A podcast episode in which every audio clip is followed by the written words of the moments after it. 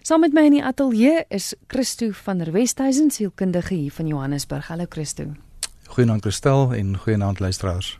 Nou Christo, ons het die afgelope 2 weke oor selfdood gesels en so 2 weke terug het Fanie Kriel my gas gesê dat depressie die hoofoorsaak is van selfdood. So ek het gevoel ons moet vanaand en ek dink ons kan elke week eintlik daaroor gesels oor depressie. Dit is 'n baie groot probleem en soos hy ook nou gesê het, die groot rede vir waarom mense hulle eie lewe neem. Absoluut so. Uh, Christel, ons kan nie eintlik genoeg oor depressie praat nie en ek dink ons is bevoordeel dat ons die vry die vrymoedigheid het om wel oor die onderwerp te praat want so 10, 15 jaar terug was dit 'n totale taboe om selfs oor die onderwerp te praat. En enigiets waaroor 'n mens kan praat, kan mens mekaar verduidelik, kan jy verstaan, kan jy by oplossings uitkom. Maar dit beteken nie dat dit minder raak nie. Die lewe die lewe raak erger, die spanning in die lewe raak meer. Jy kan maar net na die nuus luister, jy kan maar net in jou eie gesin kyk. Ehm um, en die statistiek is eintlik skrikwekkend. Ja, selfdood ehm um, is die hoofoorsaak van selfdood is self is is depressie. Ek wil amper sê dit is seker amper die enigste oorsaak van selfdood is is depressie en dit is ook een van die simptome van depressie. Maar mens wil liewerster proaktief wees. Mhm. Ehm um, en die depressie statistieke was onlangs ehm um, een uit elke 5 mense en dit is nou in die laaste 2 weke het ek gehoor dit nou een uit elke 4 mense so 25% van die bevolking is depressief of dit nou gediagnoseer is of nie. En uh, dit is dis 'n baie groot ehm um, ewel ehm um, uh, uh, daar's 'n boek geskryf so 30 jaar terug ehm um, deur Isak de Villiers amper profeties en ek het dit al in 'n vorige program genoem maar dis dalk die moeite werd om dit te herhaal. Hy het gepraat van dis depressie, die siekte van ons tyd. Um en dit het volledig waar geword. Um want daar is meer mense wêreldwyd wat depressie het as wat mense wat HIV het. So dit is nogal 'n ontstellende stukkie statistiek. OK, maar hoekom? Is is dit net omstandighede? Hoekom het so baie mense en hoekom lyk dit my neem dit net elke dag toe? Um Dit gaan oor spanning, te veel spanning vir te lank, as ek dit nou baie eenvoudig kan sê, te veel spanning vir te lank veroorsaak 'n fisiese chemiese wanbalans in 'n mens se lyf en as dit lank genoeg aanhou, dan kan jou lyf nie meer die lekker voel hormone afskei nie. En dan eh, gaan jy letterlik dood in terme van jou funksionering, terme van jou lewenslus, jy al jou swakhede raak op hulle ergste. Jy eet of jouself dood of jy eet glad nie of jy slaap jouself dood of jy slaap glad nie. En daar is 'n muur wat op jou afsak of wat na jou toe aankom en jy het net geen hoop vir die toekoms nie en dinge raak donkerder en donkerder en as daar nie 'n intervensie is nie, ehm um, dan is dit uiteindelik wat uh, tot self tot selfdood lei. Jy sê nou te veel stres vir te lank. So as ons nou proaktief wil wees, sê ons eintlik nou vir mekaar dat ons moet minder stres dan gaan jy nie noodwendig depressie kry nie. Ja, dit is daar. Ek dink 'n mens kan jou stres bestuur, maar dit raak al hoe moeiliker om jou stres te bestuur omdat dit so onmenslik baie geraak het. Uh, mense die spanning wat mense het in die werksituasie, in gesinne, veiligheidsgewys en en so aan. Maar daar is sekere basiese goed wat 'n mens kan doen en dit is jou eetgewoontes, jou slaappatroon, jou om oefening te kry om om om lekker dinge saam te doen. Ek dink van die mediese fondse gee vir mense bonusse as hulle gaan fliek kyk en so aan. Mm. Want hulle weet dit doen mense gesondheid goed. Dit laat jou die daai hormone afskei wat jou laat beter voel.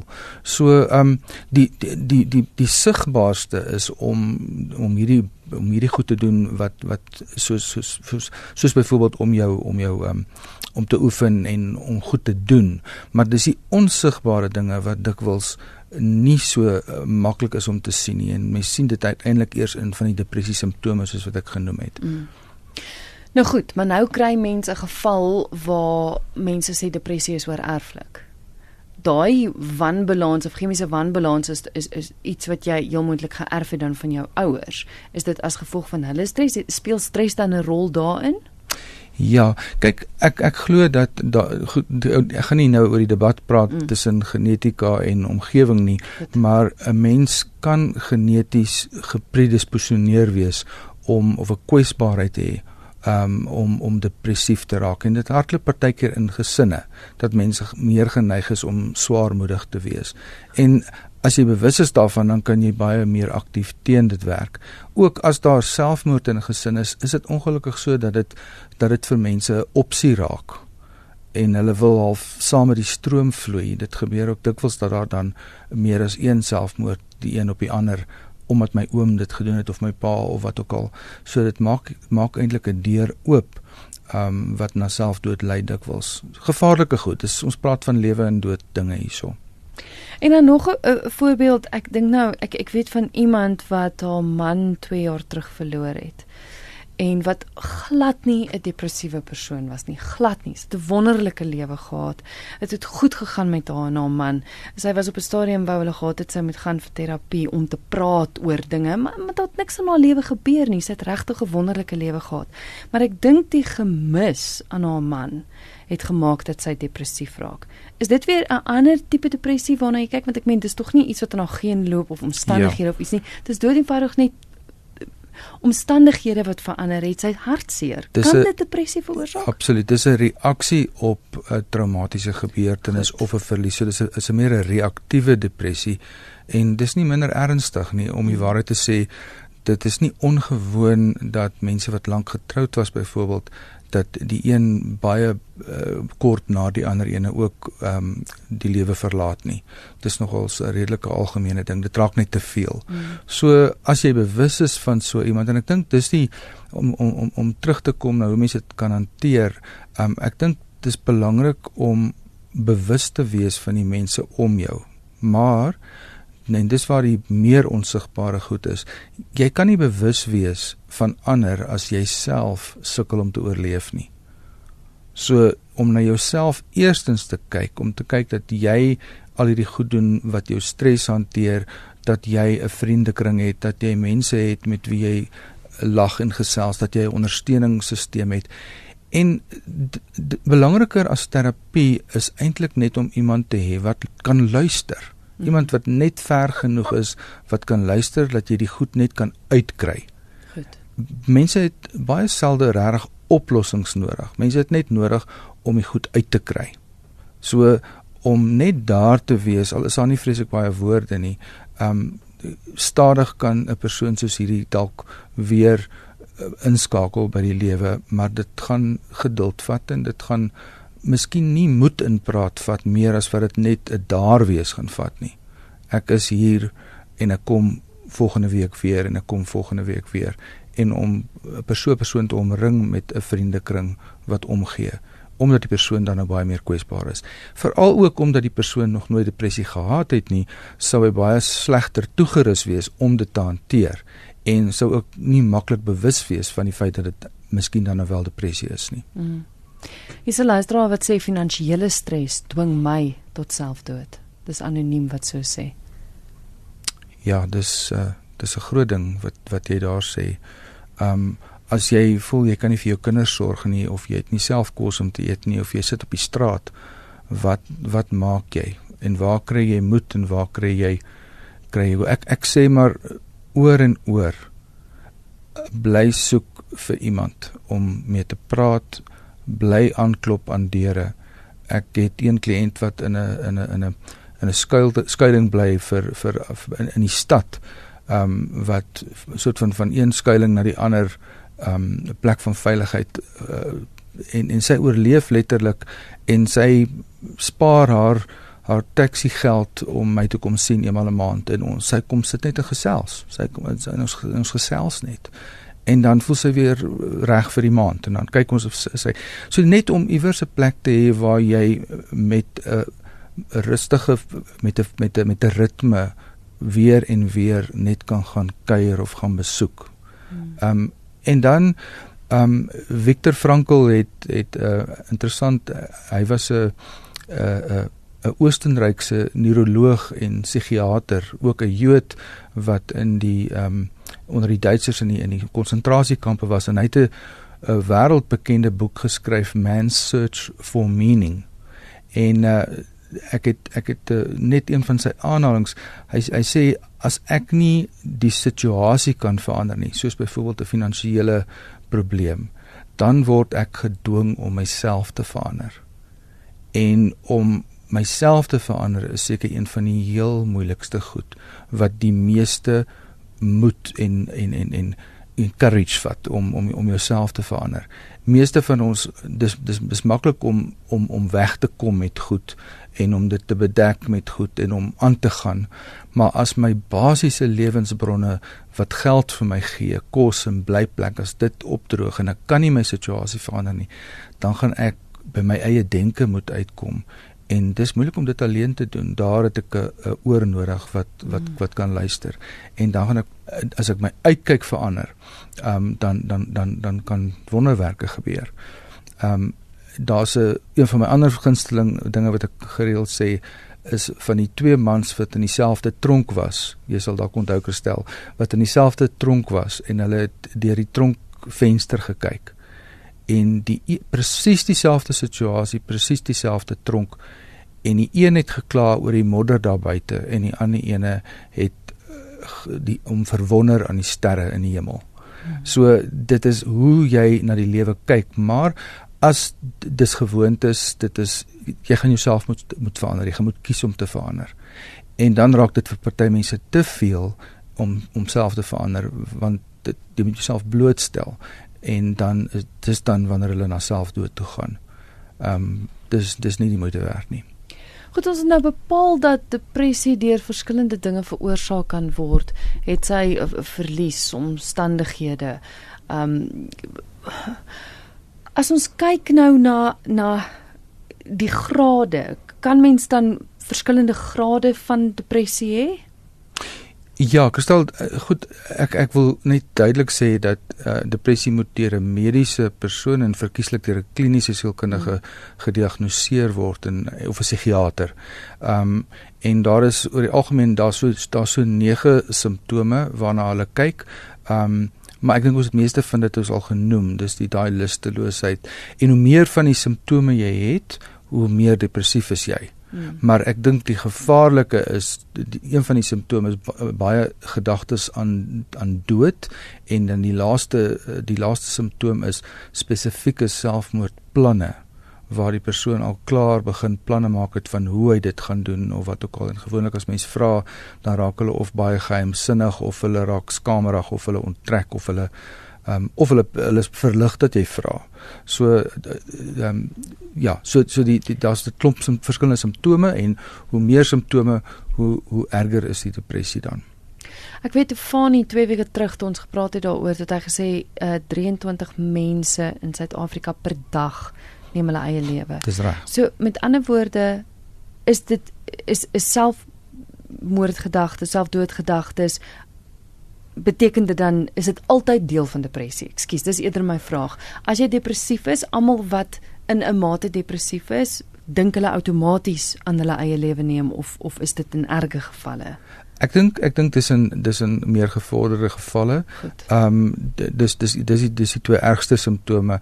Dit is meer 'n gevoel van ek het nie hoop nie. En as daai gevoel groot genoeg raak dan uh, raak die enigste hoop of die laaste uitkoms miskien om my eie lewe te neem. Hmm. Hier is 'n luisteraar wat vra en ek weet nie ja, dit is 'n debat seker vir 'n ander dag, maar iemand wil weet of selfdood sonde is. Ja, ek ek wil nie graag 'n uitspraak daaroor maak nie. Um want my eie praktiese vanuit my eie geloofsaspek is of of, of uh, uitkyk is uh, jy weet nie wat gebeur met 'n persoon in daai laaste oomblikke nie. Mm. Um en dit is waar ek wil ophou dink. En wie is ons om te oordeel? En wie is ons om te oordeel? Mm. Is 'n luisteraar wat sê sy gebruik, ag, nou het ek hom verloor sy gebruik, sy noem die naam van die medisyne en die veelheid, maar sy sê die medisyne laat haar totaal en al afgestomp voel. Ons kyk gou na want uit die aard van die saak is medikasie speel 'n besonder so groot rol in depressie. Is is dit die enigste manier om depressie te behandel? Ja, kyk, dis nie die enigste manier nie. Dis dis 'n dit is 'n dis 'n verdere stap. Ek sou sê eers is dit net om mense te hê wat omgee, wat om jou is met wie jy kan praat, vriende en so aan. As die depressie simptome bly, miskien om met 'n beraader of 'n geestelike leier of wat ook al te praat of 'n sielkundige um, om in 'n gesprek te tree en as die simptome nie beter word nie, dan uh, dan kom mens met 'n mediese diagnose um, en en en heel dikwels word medikasie dan voorgeskryf. Um ek is nie 'n kundige op die mediese gebied nie, maar in my eenvoudige leuke taal, um wat die medikasie doen is dit draai half onder meer die adrenalienkraantjies toe. So mense wat baie gestres is vir baie lank raak depressief, so hulle lewe eintlik op adrenalien wat nie so 'n goeie ding is so gesonde ding is om op te leef nie. So wanneer jy wanneer die, die antidepressant medikasie begin inskop en dis ge, niks gebeur gewoonlik binne die eerste 10 14 dae nie. Um wanneer dit begin inskop dan is daar 'n moegheid en amper 'n 'n dofheid en dis amper of jy nie by jou gevoelens kan uitkom nie. En uh, 'n ander manier vir my om dit te sien is amper soos om om krikke te hê vir ter, terwyl jou knievervanging gesond word terwyl jy leer om te loop. Party mense gaan net vir 'n vir 'n sekere tydperk, 6 maande, 9 maande op medikasie wees en ander mense gaan vir langer op medikasie wees. Sou ehm um, 'n persoon op medikasie wees vir 'n periode en dan beter voel en dan weer depressief raak, dan is die periode gewoonlik langer en dan uh, soos dit verder gaan, psigiaters en so weet om dan uh, miskien 'n meer langtermyn uh, behandelingsproses um, te implementeer. Ja, want die luisteraar sê nou ek is emosioneel afgestomp, ek kan nie huil nie. Sou dit die medikasie wees want ek meen mense wil tog ook nie ook nie dit hê nie. Ek dink ek dink as jy as jy op 'n plek kom wat jy agterkom dat jy nie kan huil nie en dat jy wil huil en dat dan dan dan wil jy beter word, dan werk die medikasie oor die aard van die saak. Um en om dan met jou met jou met wie ook al die medikasie voorgeskryf het om om om net met hom 'n gesprek, miskien om die dosis effens te verminder of wat ook al, maar baie belangrik om nie self die antidepressant dosisse aan te pas nie omdat dit 'n vertraagde reaksie het en dit jou sal laat val en en dan eh, dis dan wanneer selfdood ehm um, die, die risiko's raak baie hoër. So moenie self dit aanpas nie. Doen dit in konsultasie met die met die met die mediese persoon wat dit voorgeskryf het. So miskien 'n effense 'n kleiner dosis kan dalk maak dat jy weer begin in kontak kom met jou emosies en op die manier dalk jou gesond word proses verder kan vat. Ons kyk gou ons het 'n oproep. RSG goeienaand. Hallo. Goeienaand. Nee, nommer is 089 1104553. 089 1104553. Christo, ek dink die volgende vraag is 'n baie relevante vraag en ek ek wonder partykeer of dit nie die rede is waarom ons so hoë selfdoodsyfer het nie. Die luisteraars sê in al die programme word daar altyd gesê mens moet professionele hulp kry. Maar wat doen jy as jy nie geld daar, daarvoor het nie? Wat Right. Wat doen jy? Dit is 'n belangrike vraag en die vraag kom gereeld omdat hy so relevant relevant is kom hy gereeld op. Daar is um, mense wat wat wat hulle noem pro bono afsprake doen wat wat mense gratis um, sien. 'n Sekere kwota van van van die mense wat hulle sien as jy bietjie navraag doen daaroor. Ehm um, as jy in 'n uh, miskien 'n geestelike leier of 'n kerkorganisasie en uh, die groot ehm um, depressie ondersteunings uh, konsep in in Suid-Afrika is natuurlik SADAG, die South African Depression and Anxiety Group, SADAG. Ek het die nommer hier wat ek later uh, kan deurgee. So hulle het uh, byvoorbeeld 'n selfmoordnoodlyn, hulle het en hulle het eh, 'n uh, hele netwerk van verwysingsplekke waar jy, jy kan verwys. Ek dink byvoorbeeld hierdie dame wat my sien wat in die stad bly, ehm um, daar's 'n hele span sosiale werkers wat wat geweldige ondersteuningswerk doen um, in terme van een van ons vorige luisteraars van die finansiële krisisse en so aan. So daar is selfs binne staatsdiens glo dit of jy wil of nie, is daar nog daar is tog strukture en daar is hulp beskikbaar. Ehm um, doen net so 'n bietjie jou navorsing, miskien saam met ons vriend Google of vra net miskien wel vir Sydek en en vind uit moenie moenie ophou vra nie. As jy vra, gaan jy die antwoorde kry. So ehm um, ek wil mense aanmoedig om om om ja, om nie ja. op te hou nie. Ja, en ek weet mense seker moedeloos. As jy depressief is, dan is dit seker nou die laaste ding waarvoor jy lus is, is om nou rond te vra en als. Maar, maar ek wil tog die luisteraars aanmoedig, jy is belangrik genoeg en ek dink daar is tog mense wat vir jou omgee. So so doen nie moeite en as jy nie self kan nie, vra vir 'n vriendin en sê, "Weet jy, ek het hulp nodig, help my om by die regte plek uit te kom." Ja, ek ek terwyl jy dit sê, dink ek daaraan dat een van die probleme wat mense wat langtermyn depressie het, dikwels het is dat hulle geliefdes hulle begin vermy en dat hulle vriende hulle begin vermy omdat dit so vir die vriende moeilik is om saam met hulle te wees. Eerstens omdat dit geweldig swaarmoedig is die meeste van die gesprekke en dis nog dis nog in orde, maar dat die dat die vriende, die wat naby jou is, hulle weet eintlik nie hoe om jou te help nie en hulle voel eintlik soos mislukkings om hulle voel hulle laat jou in die steek en dan vermy hulle jou. So hulle weet nie wat om te doen nie. Dis nie dat hulle jou verwerp nie, maar die aard van die saak voel jy verwerp en jy voel dan net al hoe meer alleen. So dis miskien nie 'n slegte idee om om hulp te vra 'n bietjie weg van jou baie naby kring. Um want 'n mens as 'n mens seer genoeg kry by jou van jou geliefdes, dan word jy vir hulle ook kwaad en dan maak jy jou depressie eintlik net groter want dan kry jy al hoe meer redes om ongelukkig te wees. Uh, dit is nie moeilik om op daai op daai uh, glyplank te kom nie en dan dan dan is dit nogal sleg vir jou. Er is geen goeienaand. Hallo? Hallo. Ja. Goeienaand. Is ek by RSG? Dis reg ja, jy's op lig. Ons luister vir jou wonderlik. Weet jy ek um, ek wil graag net met julle deel. Ek uh, ek ek kan anoniem bly verkieslik. Maar ek weet uh, dit is 'n baie sensitiewe onder, onderwerp wat julle aanraak vanaand. Ek is 'n uh, voormalige uh, uh, fleksieb uh, uh, stresleier gewees. Ek ek is nog steeds op medikasie uh, ongelukkig. Uh, besef 'n mens dat jy um, jy, jy moet die medikasie gebruik om jou staande te hou.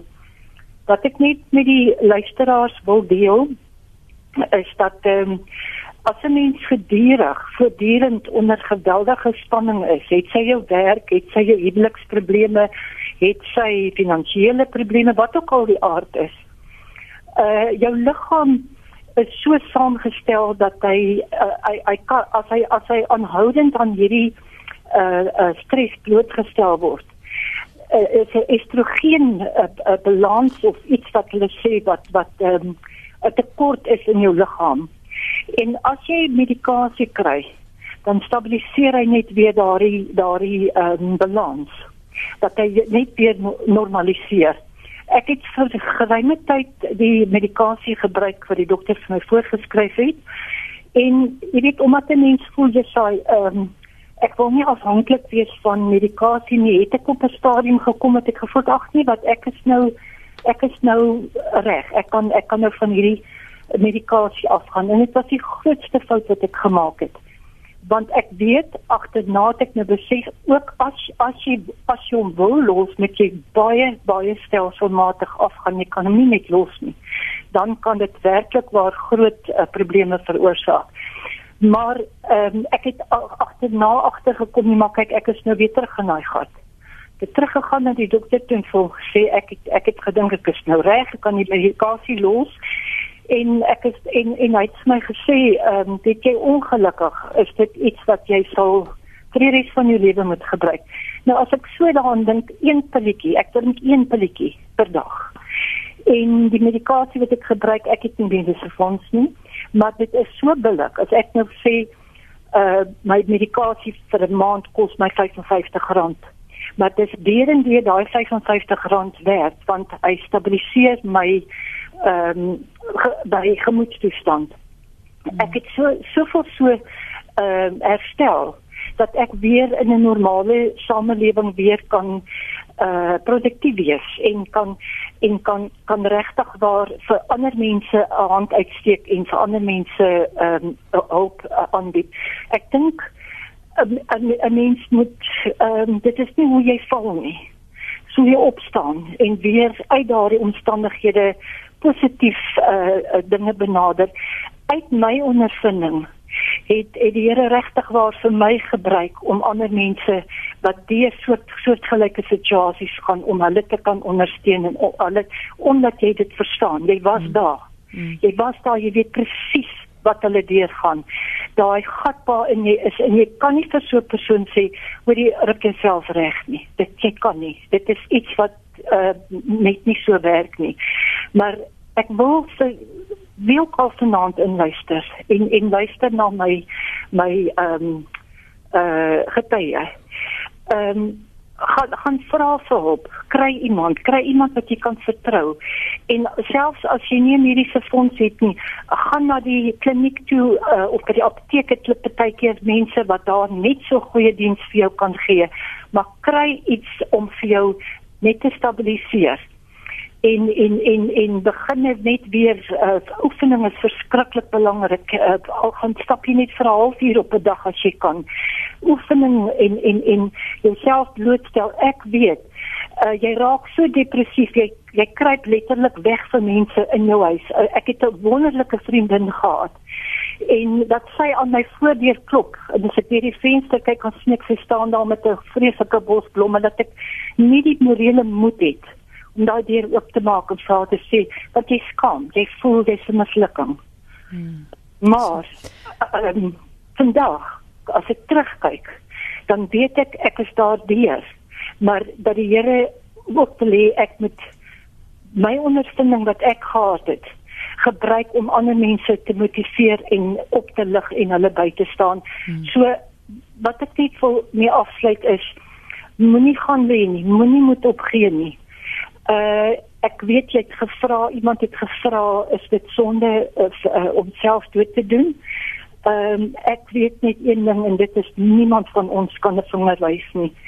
Uh God uh, verstaan daardie persoon se hart en by God is vergifnis. So as daar iemand is wat met 'n verduikloop of bekommernis glo ek, ehm um, jy kan rustigheid hê vanaand want God is 'n God van liefde. En as daai persoon tot daai punt gekom het wat hy self dood gedoen het. Ehm um, hy, hy God het ook sy God se genade is ook vir hom genoeg of vir haar genoeg. Dankie vir julle program. Dankie vir die bel, hoor. Goed gaan. Ek waardeer dit en ek ek ek, ek glo daar's baie mense wat uit uit julle program uit iets sal leer. Dankie hoor. Dankie mooi aan. Totsiens. Bye. Ja, 'n paar belangrike goed wat sy gesê het, die feit dat jy nie net jou medikasie kan los nie. Ja, ek wil net baie dankie sê vir mevrou anoniem. Wat 'n wat 'n wonderlike um storie van van inspirasie en van val en weer opstaan en van betekenis kry. Praat van Frankl se search for meaning wat betekenis gekry het uit haar pyn uit en haar pyn gebruik as toerusting om verander die begrip te gee omdat sy self daar was. Mm. En dit het haar hoop geword. Ehm um, so 'n wonderlike inspirerende storie van wat moontlik is en dat geld nie noodwendig die belangrike ding is nie, maar dat die belangrike ding is om te kies om te verander en om te vra vir hulp. Maar ek dink altyd so daaraan mense is so maklik om 'n bloeddrukpil te drink of vir jou skildklier of om jou bloed dun te hou. Maar mense het nogals altyd hulle ja, is versigtig om 'n antidepressant, maar ek meen dit is ook 'n pil wat jou ook help met jou gesondheid. En sy wat nou sê, jy weet, dis 'n pil wat sy vir die res van haar lewe gaan drink en sy's reg daarmee. En sy het probeer ja. sonder dit en ja. besef sy kan nie en mm. sy het gekies om dit te aanvaar mm. en luister na haar ehm um, hoe hoe sy die lewe verwelkom. Mm. Sy het ook gepraat van oefening. Dit sluit aan by die e-pos wat ek gekry het van 'n luisteraar wat sê: "Goeienaand, ek het ehm um, baie jare al depressie en angs. Ek gebruik medikasie daarvoor, maar ek het by 'n gimnasium aangesluit en van my medikasie is verminder net deurdat ek begin oefen het. Mense onderskat dit heeltemal, né? Nee, hmm. Om te beweeg en die bloed aan die vloei te kry. Ja. Baie belangrik. Jy is ingeskakel op RSG 100 tot 104 FM. Jy luister na die program Geestesgesondheid. Dit is elke Dinsdag aand net na 11. Vanaand is my gas Christo van der Westhuizen, hy is sielkundige hier van Johannesburg en ons gesels oor depressie. RSG goeienaand. Goeienaand, kan ek by RSG gesondheid uitkom asseblief? Dis reg, jy's op lig. Kan ek net vra of jy jou radio vir my kan afsit asseblief? Ek maak so hy's af. Goed, jy's welkom om te praat. Hallo? Ja, jy's op lig. En met wie praat ek? Dis Christel wat praat. Hallo, goeienaand Christel. Ek wil graag anoniem bly asseblief. Goed, seker. Ehm um, ek het ehm um, ek was op 17 jarige ouderdom was ek verkrag deur ons predikant vir meer as 1 en 'n half jaar lank wat ek vir 45 jaar vir niemand vertel het nie want ek was bang. Ehm um, hy was 'n predikant, maar ek is 'n skooldogter, skooldogter en niemand sou my glo nie. En ek het met hierdie seer en hartseer my geloop vir 45 jaar totdat ek nou later ehm um, gaan sit dit in in my storie geskryf het. En ehm um, ek het toe vir die eerste keer in my lewe het ek na 'n pastorale sielkundige gegaan wat my gehelp het en ek het toe na my storie geskryf en ek is vandag 75 jaar oud. En hierdie storie kan ek nie, nie uit my kop uitkry nie. Dit gaan vir ek is op antidepressante. Soms gaan dit baie goed met my, maar sodra daar iets gebeur in die familie of ehm um, iets wat my seer gemaak het of jy weet iets wat net weer vir my hart seer gemaak het, dan kom hierdie hele storie terug na my toe. En ek soos ek sê ek is op antidepressante maar ek word net soms voel dit net vir my ek is ek is nie die mens wat ek graag sou wou gewees het nie. Hierdie man het my hele lewe vir my omver gegooi. Gelukkig het ek 'n wonderlike man wat my al die jare ondersteun en help en ek het wonderlike kinders hulle ken my storie en hulle is almal baie lief vir my maar daar kom net tye soos vanaand weer. Leen dink ek daaraan. Ek huil alleen, ek huil in my hart want ek wil nie altyd voor almal huil en praat nie en ek voel al so ek wil ook nie meer as my kinders my vra wat is verkeerd nie. Ek wil nie elke keer dieselfde vertel nie.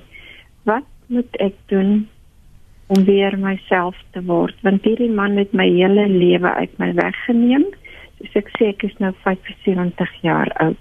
Wat wat kan ek doen? Wat moet ek doen? Anoniem baie dankie vir die bel. Gaan jy by die radio luister? Ek gaan by hom luister. Baie dankie. Baie hoor. dankie vir 'n sterkte. Christo. Ja, mevrou Anoniem baie dankie dat jy ingeskakel het eh, want wat jy waarvan jy ons vertel is eintlik baie baie meer algemeen as waarvan ons bewus is. Ehm um, jy dit was oor 'n jaar wat dit aangehou het. Jy was 17, jy was onskuldige skooldogter. Dit was 'n gesiene man in die gemeenskap. Dit was 'n predikant en jy het die geheim vir 45 jaar gehou en alleen gedra. En daardie pyn het in 45 jaar groot skade aan jou binnekant eh, aangerig en dit klink vir my asof jy reeds 'n lang pad geloop het op die pad na gesond word.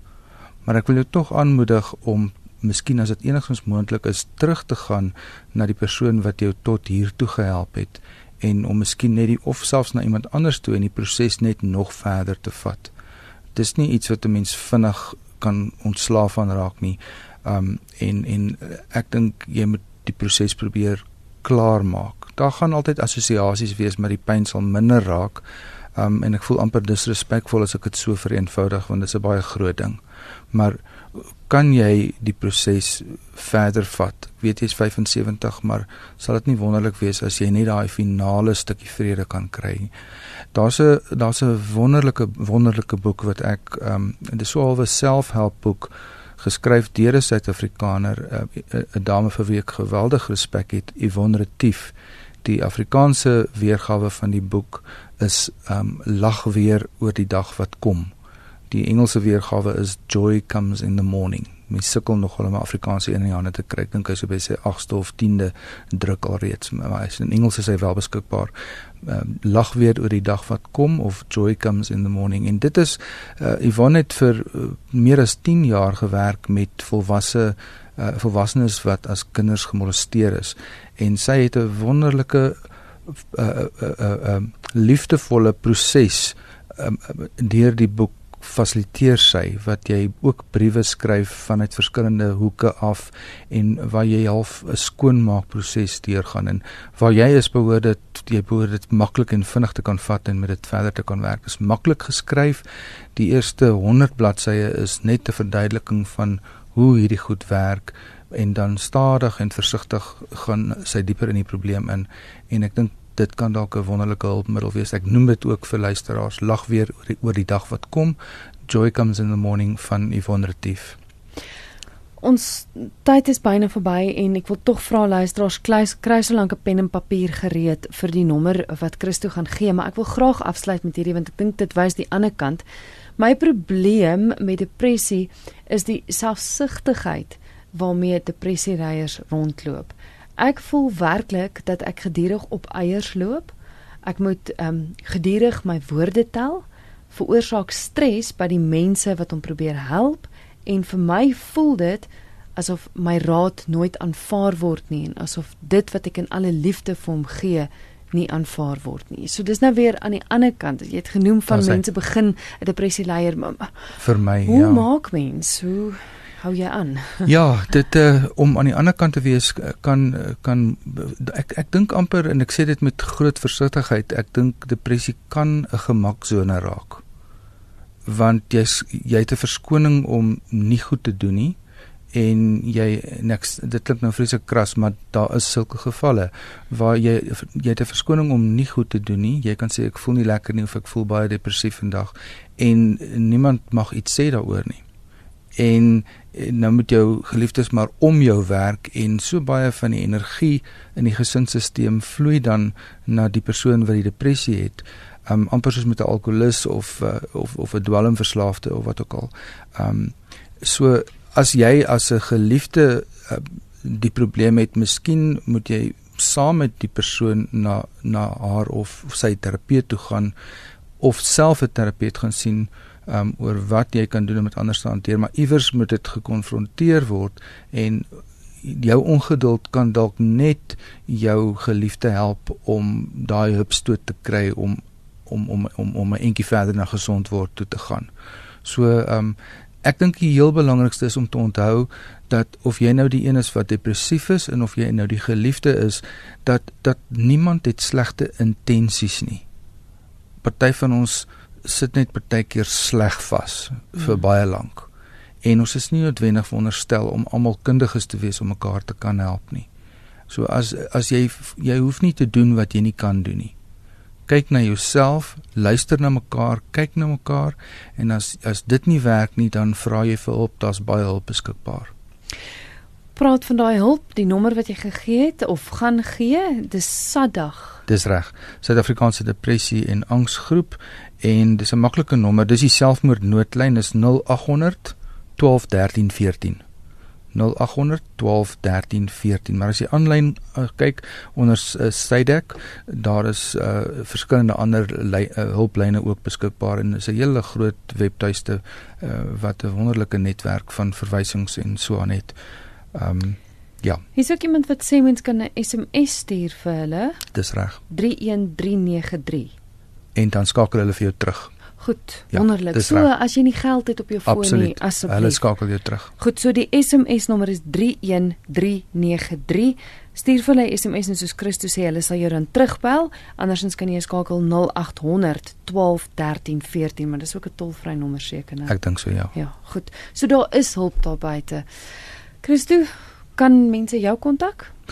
Welkom. Uh die maklikste is ook maar net uh Randburg Counselling Center is die webtuiste en die kontakbesonderhede is daar. Um as dit nodig is.